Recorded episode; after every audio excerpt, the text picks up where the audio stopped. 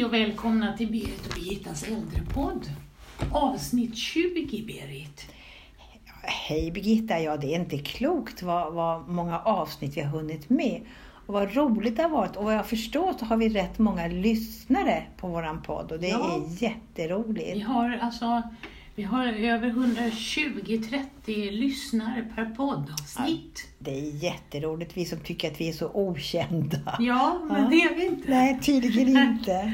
Nej, det är jättetrevligt. Eh, vi, idag ska vi fortsätta lite på det vi pratade om förra podden och det var med tillgänglighet. Ja, vi pratade mycket kontanta medel. Vi Ja. pratade om det kontantlösa samhället som Sverige skulle bli inom några år. Okej. Och så har vi ju nu mm, funderat, tänkt att vi ligger ju rätt i tiden nu vad jag Absolut. vet. Nu var Sydamerika strömlöst. I ett dygn var 48 miljoner människor utan ström. De kunde inte tanka sina bilar, de kunde inte handla, de kunde inte ringa, de hade inget lyse, de kunde inte laga mat.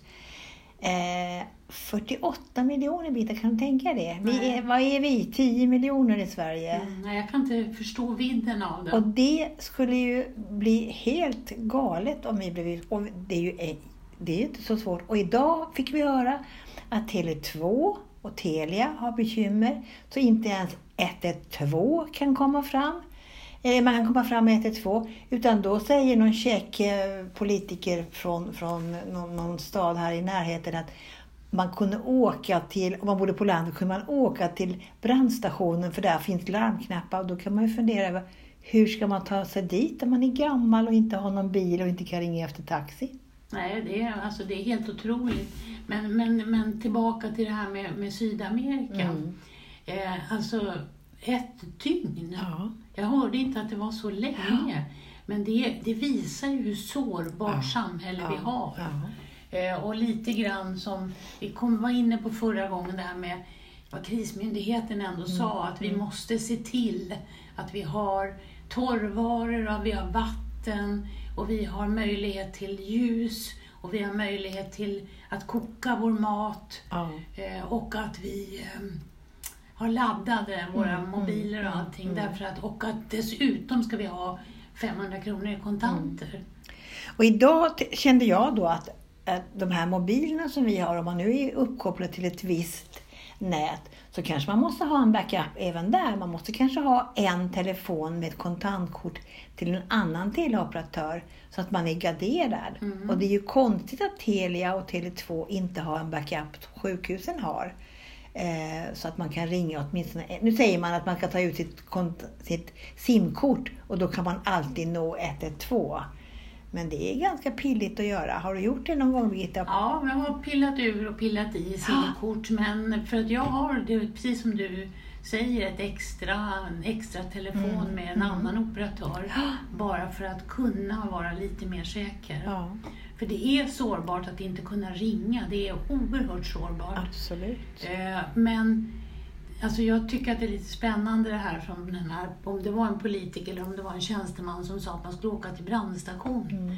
För alltså, också säger de i samma veva så säger de att de har informerat äldre och funktionsnedsatta via mail.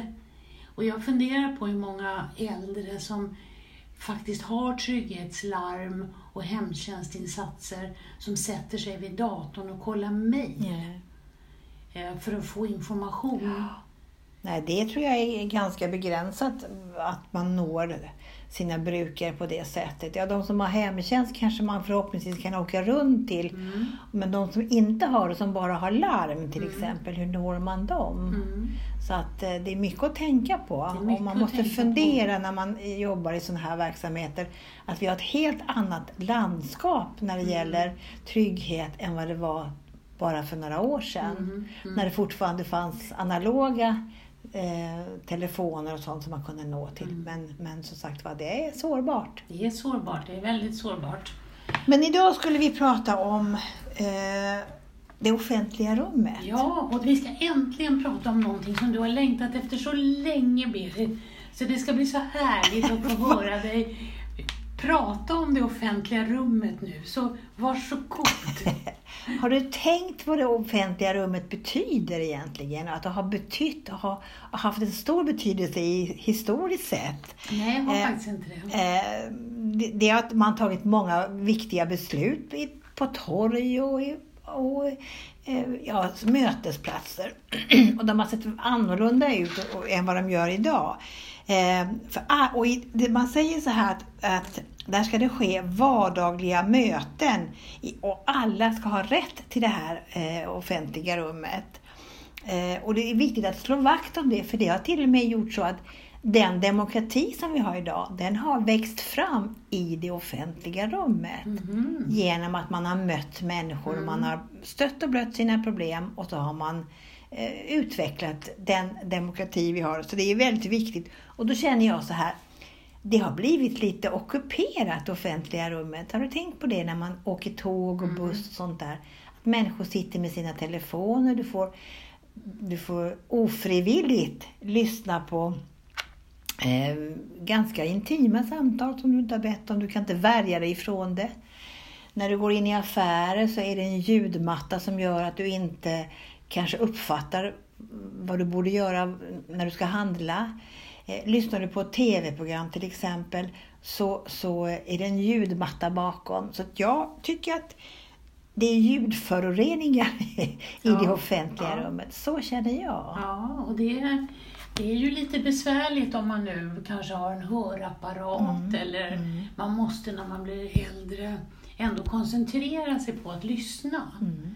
Eh, Och är det sånt här liv i det offentliga rummet då hör man ju inte den information som man kanske behövde höra på pendeltåget. Nej, på- till exempel om, pe- om pendeltåget strular eller bussen och man, Mm. man, det blir stopp och man hör inte vad de säger. För runt omkring så sitter folk och pratar telefon.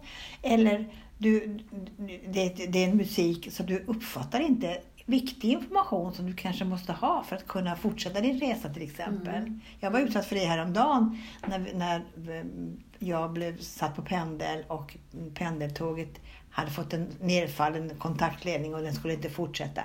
Men jag fick information hur jag skulle göra och jag hörde inte det.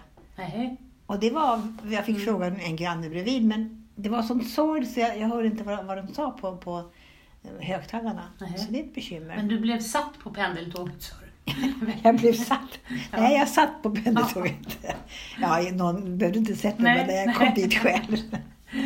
Nej, men det här med offentligheten, det offentliga rummet, det är oerhört viktigt och jag känner väldigt mycket mer att, att som sagt var, det blir mer och mer ockuperat.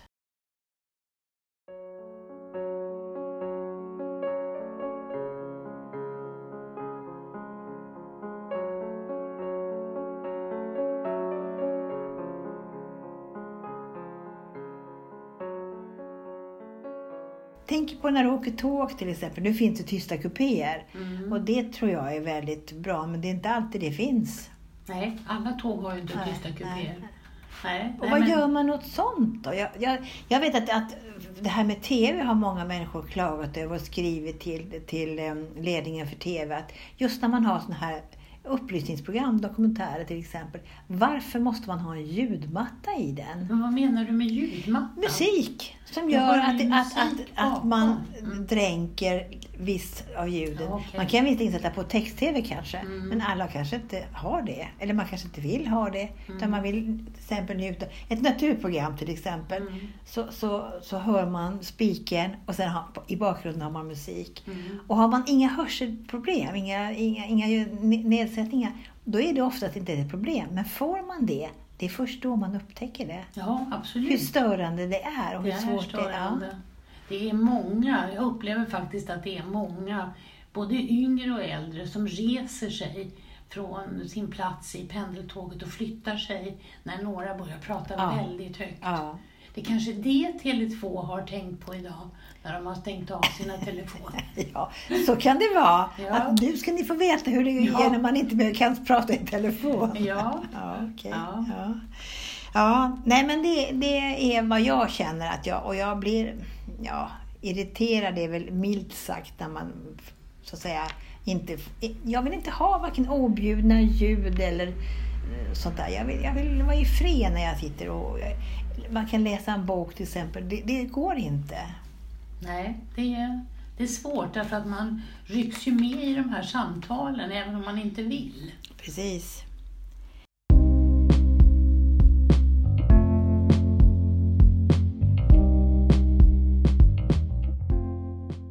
Finns det något mer kring det offentliga rummet som vi behöver belysa utifrån ett äldreperspektiv? Jag vet inte hur mycket man, man blir störd av det, men jag tror att, att det, är ju, det handlar ju om tillgänglighet också på sätt och Mm. vis. Att man inte... Eh, ja, det offentliga rummet är ju mitt tillsammans med alla, alla i andra i samhället. Mm. Och där ska man visa den hänsyn som, som, som krävs faktiskt. Mm. Och det är också oerhört viktigt tycker jag. Jag såg vad jag tänker på, det kanske inte är riktigt det offentliga rummet, men jag träffade på en, eh, en eh, person som hade hemtjänst, förstod jag, i affären. Eh, Och hennes eh, personal från hemtjänsten som skulle följa med henne och handla. Och han var lite väl frispråkig om den här kvinnan i Oj! kassakön tyckte jag.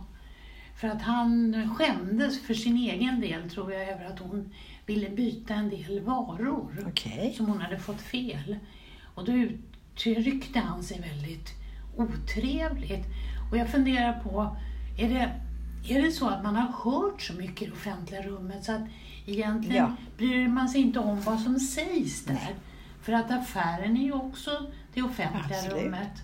Och där kan man ju inte stå och berätta vad som helst om de man är ute och hjälper. Jag tror att du har en poäng där. För att just det här med att man har tappat, tappat bort det här att, det, att man skiljer inte på den privata sfären och den offentliga.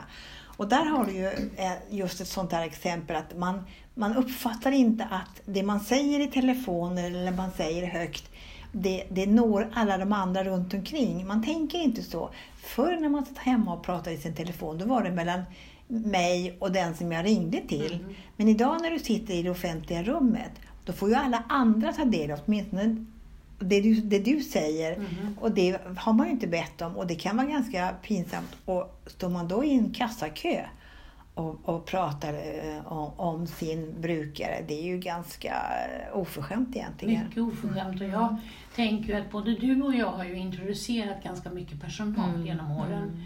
Och vi vet ju att vi har pratat om det här med sekretess. Absolut. Och att man inte får prata om någon så att man kan bli igenkänd Nej. på buss eller pendeltåg Precis. eller tunnelbana. Nej.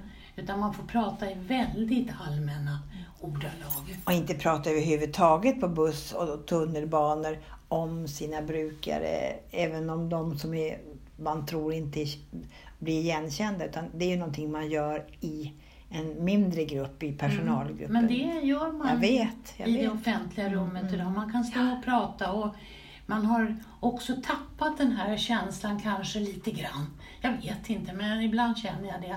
Att man pratar med annan personal som har sekretess om sekretessbelagda uppgifter. Mm, mm. Därför att man har inte förstått att även om du har sekretess, Berit, så har du inte med att göra med allting. Nej, och sekretessen, den varar livet ut. Mm. Jag får aldrig yppa det jag har varit med om under mitt yrkessamma liv eh, till någon annan så att den personen kan bli igenkänd. Det Nej. har jag inte rätt till. Utan Nej. har jag skrivit på en tystnadsplikt, då gäller den Mm. hela tiden. Och det tror jag den yngre generationen har väldigt svårt att, att förstå att det faktiskt är så.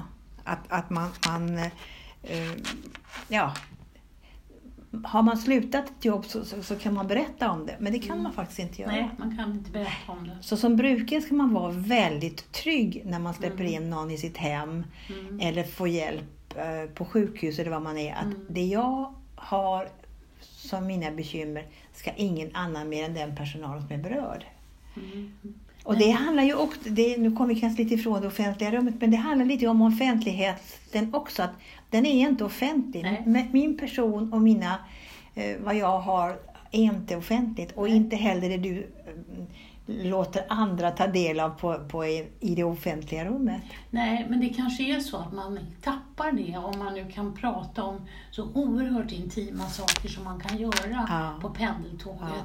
Och glömma bort att man sitter med en publik Ja, så kanske man tappar. precis det. Och, och just det att vi får, vi, är man i det offentliga rummet då är det ett publikt sammanhang. Och det tror jag inte man, man uppfattar utan man kan mycket väl gå runt och, och prata högt och vitt om jättekonstiga saker.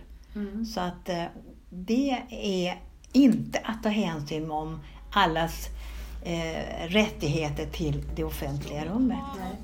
Mm. Ja, det börjar närma sig sitt slut och nu får vi väl tacka för idag. Och, och det, det, blev lite fram och tillbaka men, men vi har i alla fall pratat om det offentliga rummet och tillgängligheten där.